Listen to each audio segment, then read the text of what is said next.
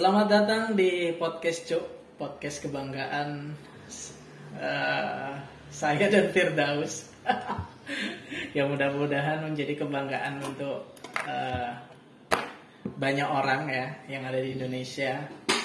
Tetapi podcast Cuk ini juga kebanggaan untuk saya dan Firdaus karena Nggak ada podcast lain. Nggak ada podcast lain. yang memang sebenarnya awal podcast ini dibuat kan ya ingin sebagai sharing aja sih karena memang saya dan Firdaus ini dari dulu emang lumayan dekat gitu kan jadi untuk mempererat atau tidak memutus silaturahim ya podcast ini sebagai jembatan untuk tetap menjalankan silaturahim lah Hmm. seperti itu Fir. Oke, eh, di sini sudah menunjukkan waktu pukul 16.15 ya di hari Sabtu Satu. di hari Sabtu tanggal 26 ya. Dan saat ini kita tetap harus menjaga protokol kesehatan mengingat Covid juga sedang sangat tinggi kasusnya. Jangan sampai kita abai, jangan sampai kita eh, tidak menghargai eh, tenaga kesehatan yang sudah berjuang untuk eh, berjibaku ya, menyembuhkan eh, pasien COVID yang ada di rumah sakit. Jadi kita harus betul-betul bersama-sama harus taat prokes. Oke Fir, eh, kita pada hari ini akan membahas tentang tiga film ya, yang paling disukai oleh saya dan juga Firdaus yang menurut kami bagus ya jelasnya Menurut kami ya, menurut kami bagus opini pribadi. Jadi- Jadi, nanti kalau ada yang merasa kurang setuju, it's fine. ya betul Eh, kalau memang nanti kalian juga punya eh, pendapat sendiri tentang tiga film yang menurut kalian bagus silahkan kalian bisa komen di Instagram kami ataupun di di mana pun lah ya ya, ya di Instagram kami aja ya oke eh, tiga film bagus menurut kami kayaknya lebih cocok dari Firdaus dulu deh nanti habis itu ke saya ya selang-seling lah Siap. Silakan Fir. Oke. Eh, menurut kamu nomor tiga kira-kira apa tuh? Nomor tiga ya. Nomor tiga ini ada film judulnya Angels and Demons. Oh, Angels and Demons. Ya, Demons. Demons ya, Demons. Pemerannya tak asing lagi buat penggemar film yaitu yang terhormat Bapak Tom Hanks Oh, Tom Hanks. ya. Apa itu filmnya? Singkat cerita. Singkat cerita eh Kok berkesan menurut kamu? Kok bagus menurut kamu? ya karena nggak semua yang berada di lingkungan orang-orang baik itu sebetulnya orang baik. Itu Oh. sih intinya. Oh, inti dari filmnya itu. Ya. eh jadi ada satu Sin. scene yang menunjukkan bahwa orang yang dari awal itu disangka sebagai protagonis Mm-mm. ternyata itu dia dalang dari semua kejahatan yang terjadi. Oh, Makanya judulnya Angels and Demons. Dia itu di awal kita anggap sebagai angels, oke. tapi di akhir ternyata dia iblisnya. Kayak film apa ya itu ya? Kayak pernah tahu gitu, tapi dengan judul yang lain. Dan ini tuh karena lingkungan yang terjadi bukan di apa? Bukan di instansi pendidikan, bukan di eh, geng, bukan. Ini tuh kejadiannya setnya itu di Vatikan, di lingkungan para pembesar-pembesar umat ya umat Kristiani ya Hmm. itu. Jadi terjadinya itu di keuskupan Hmm. gitu. Jadi benar-benar dikatakan angels itu karena ini kayak tangan kanannya Oh, iya. tangan kanannya Artinya di Paus. tanah di tanah di tanah sucinya. tanah suci. Iya, tanah ya itulah. Oke oke oke. Ya, Tom Hanks ini jadi detektif di situ. Oh, menurut saya itu kayak film The Murder on the Express. Ah, Entah kamu tahu kayak itu film baru di, ah, itu adanya di Disney. Jadi The Murder on the Express itu ceritanya ini kayak ini kayaknya hampir sama ya menurutku. Jadi kayak ada kereta gitu yang di situ membawa eh, beberapa penumpang, tetapi satu penumpang itu dia ini telah meng- merugikan satu keluarga, ya. Dan satu keluarga itu, ya, ternyata ada yang dibunuh. Salah satu keluarga itu ada yang dibunuh oleh salah satu penumpang tersebut. Sehingga singkat cerita di dalam satu kereta itu dia sudah dijebak si pembunuh ini oleh keluarga yang telah dia bunuh. Jadi penumpangnya itu ternyata pembunuh semua. Apa eh, keluarganya yang dibunuh itu. Nah, kemudian ada detektif yang di situ mencoba untuk eh, mencari eh, siapa pembunuhnya. Tapi ternyata yang dicurigakan yang awalnya satu ternyata seluruh penumpang itu pembunuhnya semua. Penum- pembunuh yang pernah ngebunuh keluarganya ini. Hmm. Tahu. intinya intinya ya seperti itu hampir sama kayaknya. Hmm. Hampir sama. Ya itu sih. Kalau yang ini tuh sebenarnya yang jadi tragis itu ini terjadi di keagamaan. Keagamaan. Nah, itu yang makin gila gila. Oke. Oke, kalau aku nih eh, nomor tiga ya, Ya. Fatherhood tahun 2021 filmnya diperankan oleh komedian Kevin Hart. Eh, nilai IMDb-nya itu 6,7. Di sini bercerita singkat cerita ya. Jadi istrinya em, Kevin Hart dalam arti di sini Matt dia ditinggal mati oleh istrinya yang saat itu sedang melahirkan sehingga dia tidak tahu harus berbuat apa ya kan karena dia merasa bahwa dengan kehilangan istrinya itu ya dia nggak mampu untuk membesarkan anak kecil ini ya anak anaknya sendiri ya. sehingga dia harus melawan orang tuanya sendiri agar eh, dia bisa mengambil hak asuh sepenuhnya ya kan meskipun niat dari orang tuanya itu ya ingin membantu tapi Kevin Hart ini atau Matt ini tetap ingin ingin menjaga biar dia sendiri yang menjaga si anaknya ini.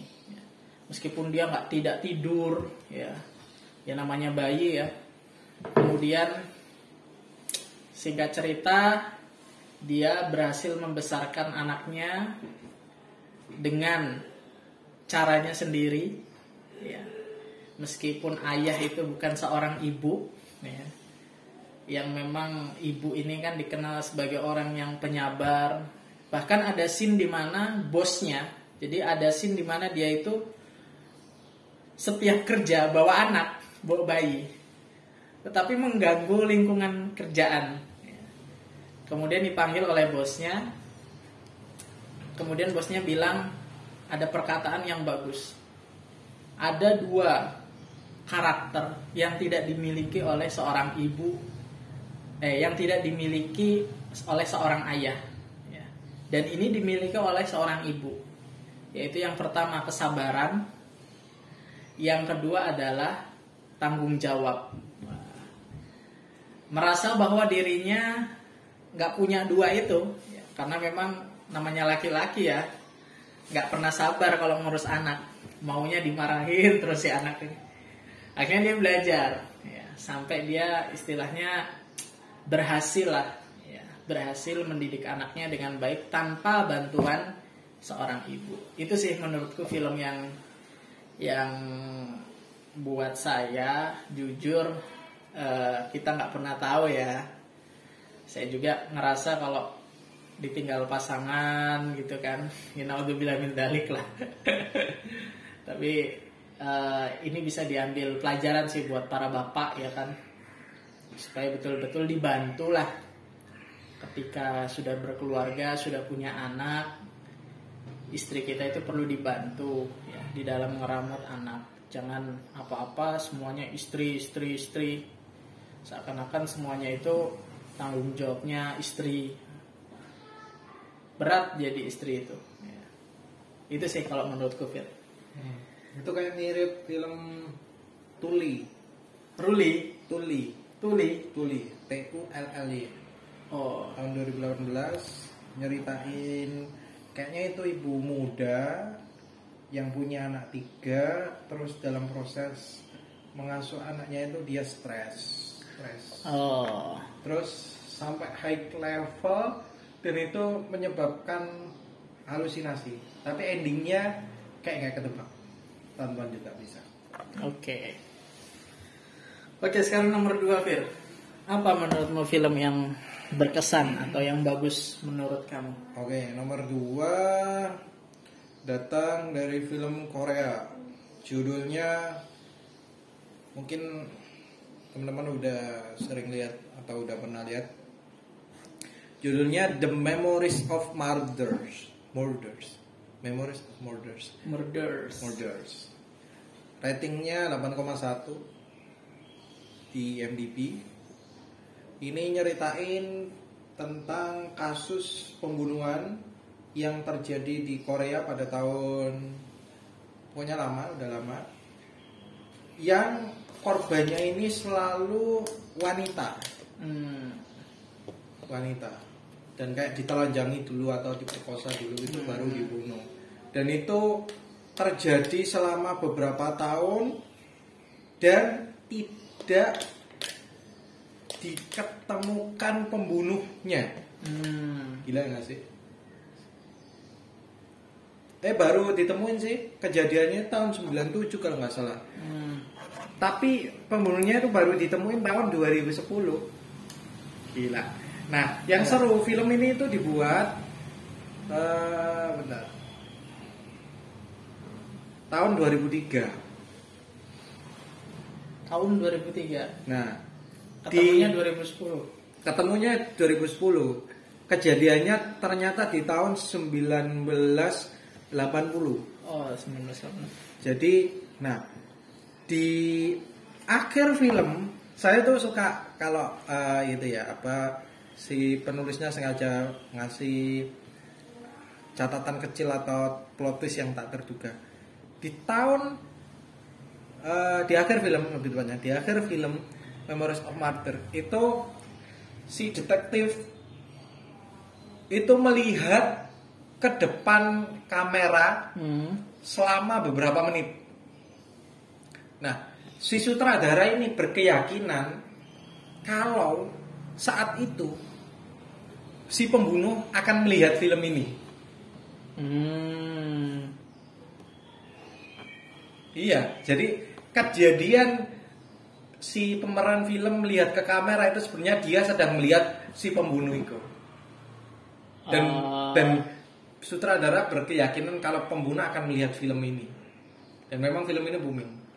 Dan baru akhirnya eh, benar-benar tertangkap di tahun seru itu kayaknya ya Nah, benar.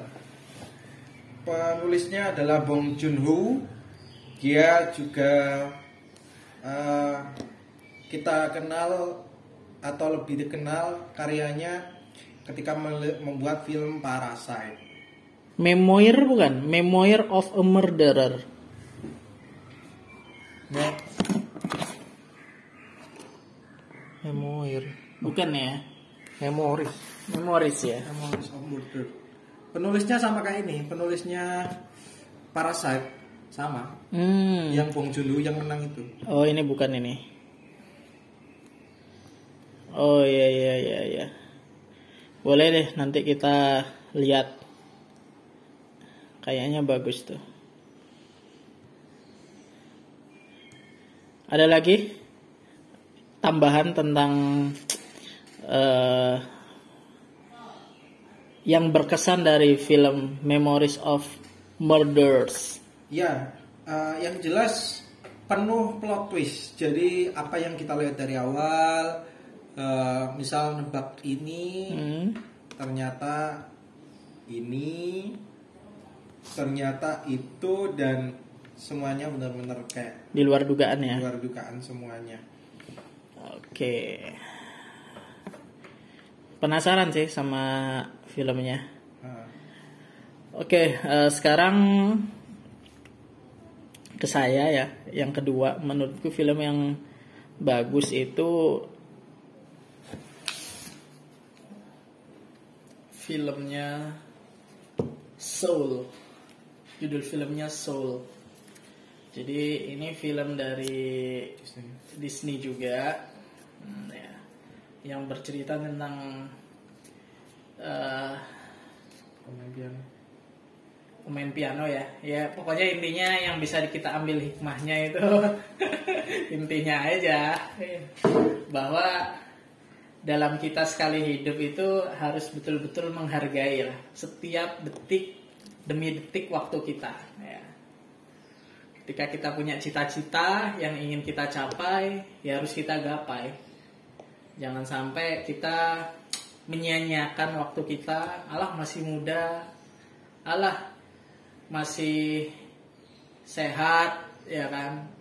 Sehingga yang harusnya kita capai tepat pada waktunya ya, bisa tepat pada waktunya tapi dengan kita menyia-nyiakan justru malah ya sudah ya tidak tercapai. Nah, jadi di film Soul ini eh, punya makna tersendiri buat saya ya.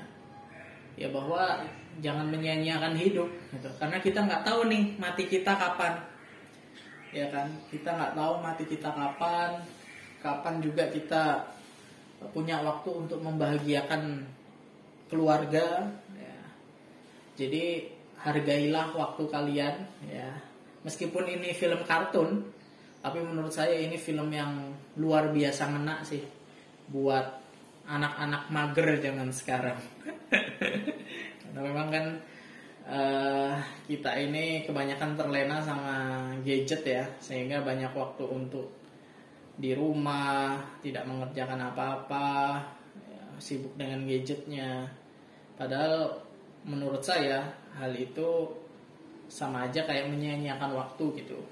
Jadi eh, sepantasnya waktu itu betul-betul dihargai dan ada yang bilang waktu itu adalah uang.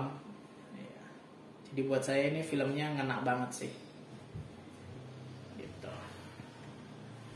Kalau menurutmu gimana Iya pernah lihat, cuman dapat separuh. Oh, dapat terusin. Gak tahu ya, kayak ini aja bukan chemistry, nggak dapat aja nggak dapat. oh nggak ada Kebetulan nggak dapat. Mungkin aku lihatnya saat moodnya kurang baik oh. atau gimana. ini ratingnya 8,1 Iya, iya nggak nggak bisa ini juga. iya sih jadi menurut saya bagus Ada ini juga ya terkait rating ya. Jadi mem nggak semua sih nggak semua belum tentu Iya, rating MDB yang tinggi itu nyaman dilihat atau cocok dilihat tergantung kembali lagi. Ada dua film yang ratingnya tinggi di MDB dan waktu saya lihat biasa saya nggak habis, Oh. nggak habis. Kategori kalau film bagus tapi saya nggak habis. Nah, satu Fight Club, oh Fight Club filmnya eh hmm, siapa? Bujui Angelina Jolie. kok. Apa itu ya? Angelina Jolie Eh, suaminya suaminya Brad Pitt. oh Brad Pitt Iya. Dan banyak sih pemain anak Edward Norton, Helena Bonham. Nah, hmm, katanya sih seru, tapi katanya seru di akhir. Ya cuman saya menguat-nguatkan waktu lihat film itu. Dan kalau film dilihat sambil nguat-nguatin, kayak kurang kurang ini sih. Godfather, The Godfather itu juga nomor 2 di MDB, cuman nggak seru ya? Nggak nggak ini. Bukan bukan kulturnya lebih tepatnya.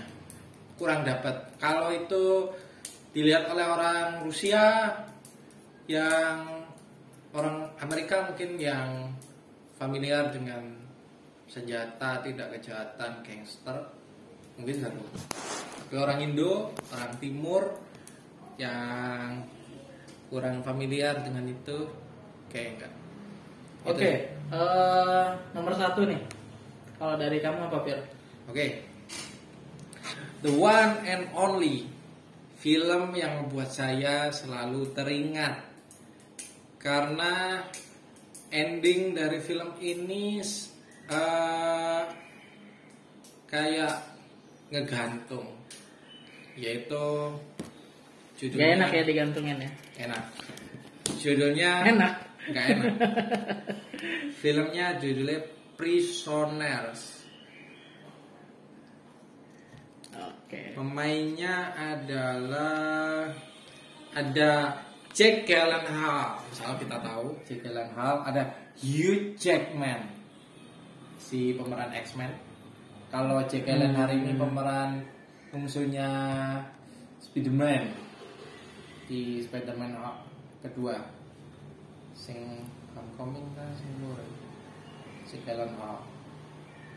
Nah, cerita tentang Prisoners ini nyeritain tentang sama kasus pembunuhan. Bedanya ini sampai akhir kurang jelas sebenarnya siapa pembunuhnya. Sebenarnya ketemu pembunuhnya, cuman kayak kurang lega dan masih ada yang ngegantung. Hmm. Setelah saya lihat beberapa review dari film ini, memang si penulis sengaja menyembunyikan uh, potongan terakhir dari puzzle film ini untuk mengembalikan perspektif uh, akhir dari film ini kepada masing-masing penonton. Kira-kira siapa yang salah, siapa pembunuhnya dikembalikan ke masing-masing penonton. Seru sih.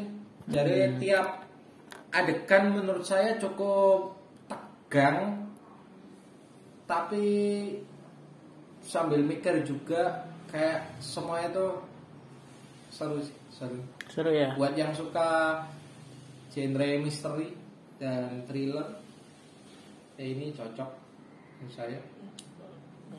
Film Prisoners.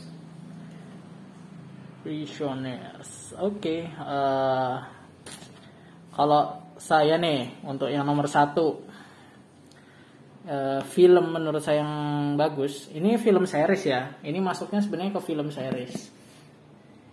Jadi kalau menurut saya film series film yang bagus tapi series nih. Ini judulnya Spartacus. Ini film-film apa ya film-film Romawi zaman dulu ini lebih action. Ini buat yang suka action, kekerasan, terus kata-kata kasar, cocok dengan orang Surabaya. Ini cocok banget nih nonton film Spartacus. Jadi film Spartacus ini diambil dari kisah nyata dari konon dulu ada seorang budak Romawi yang di situ punya impian untuk menjadi gladiator. Dan di situ dia ingin sekali menumpas yang namanya kerajaan-kerajaan Romawi saat itu. Karena dia ingin agar budak itu setara derajatnya dengan penguasa. Dalam arti disamakan. Tidak ada budak tidak ada kasta rendah tinggi atas bawah. Itu seperti itu. Dan ini seasonnya ada 4 season. Dan filmnya aduh luar biasa bagus. Jadi satu satu film sat, empat season itu satu seasonnya ada 10 film 10 judul film masing-masing film itu satu jam kurang lebih satu jam bayangin aja kalau 10 kali 4 40 40 kali satu jam 40 jam 40 jam 10 jam dua hari. Ya. Tapi menurut saya film ini ah, luar biasa. Ya. Dan apa ya? eh, buat yang suka action, yang suka darah-darah, nah ini cocok banget sih ini. Sama eh, film ini hampir sama kayak film-film Romawi lah. Kayak Troy 300 apa 30 300 itu film 300 dan banyak film-film lainnya. Hmm. itu sih. Ada lagi sih satu film di Netflix yang bagus yaitu eh, judulnya apa ya yang tentang perampokan jadi Money Heist wah itu luar biasa bagus ya jadi perampokan yang disetting oleh satu orang Hmm. dengan kemampuan otak yang luar biasa dan negosiasi yang luar biasa. Gak tahu, kamu udah nonton belum Money Heist? Belum. Wah itu bagus. Aku justru nek booming di masyarakat nggak lihat aku. Gak lihat ya? Nggak lihat. Saya kan sempat rame di Twitter. Eh, Money Heist terus si Cine apa ya? Sing- Bagus sih Money Ya topeng itu enggak sih? Topeng, pakai topeng. Oh iya Money Heist itu ya. Nah, Ada lagi kok satu ya apa ya? Sing profesor itu kan Money Heist. profesor, Oh, iya. profesor.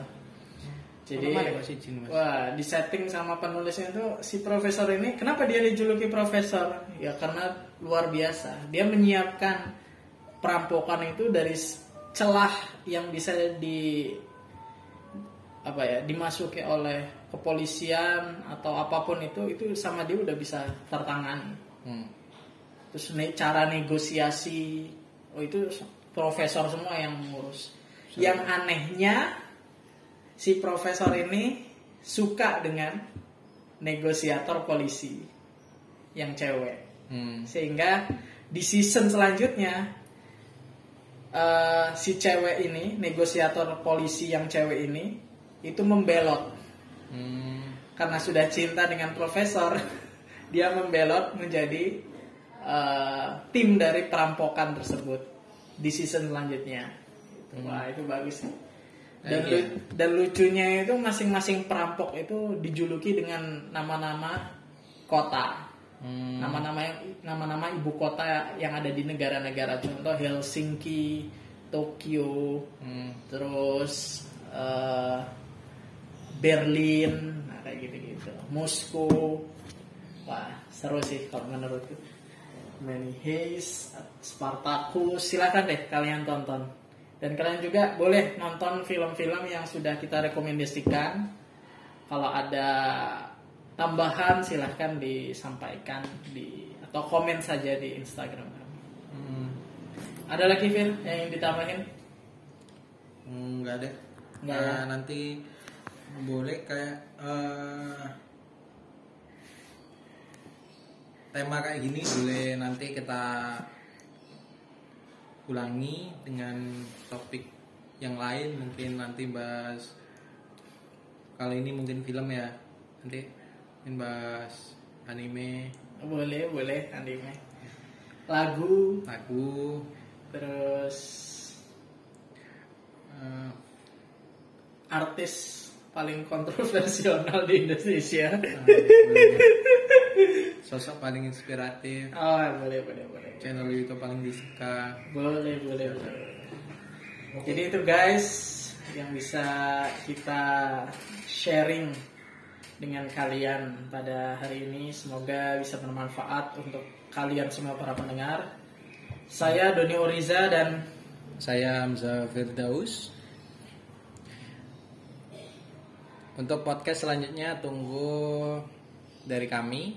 Tetap stay tune sambil lihat film-film rekomendasi dari kami. Tetap jaga protokol kesehatan. See you next time.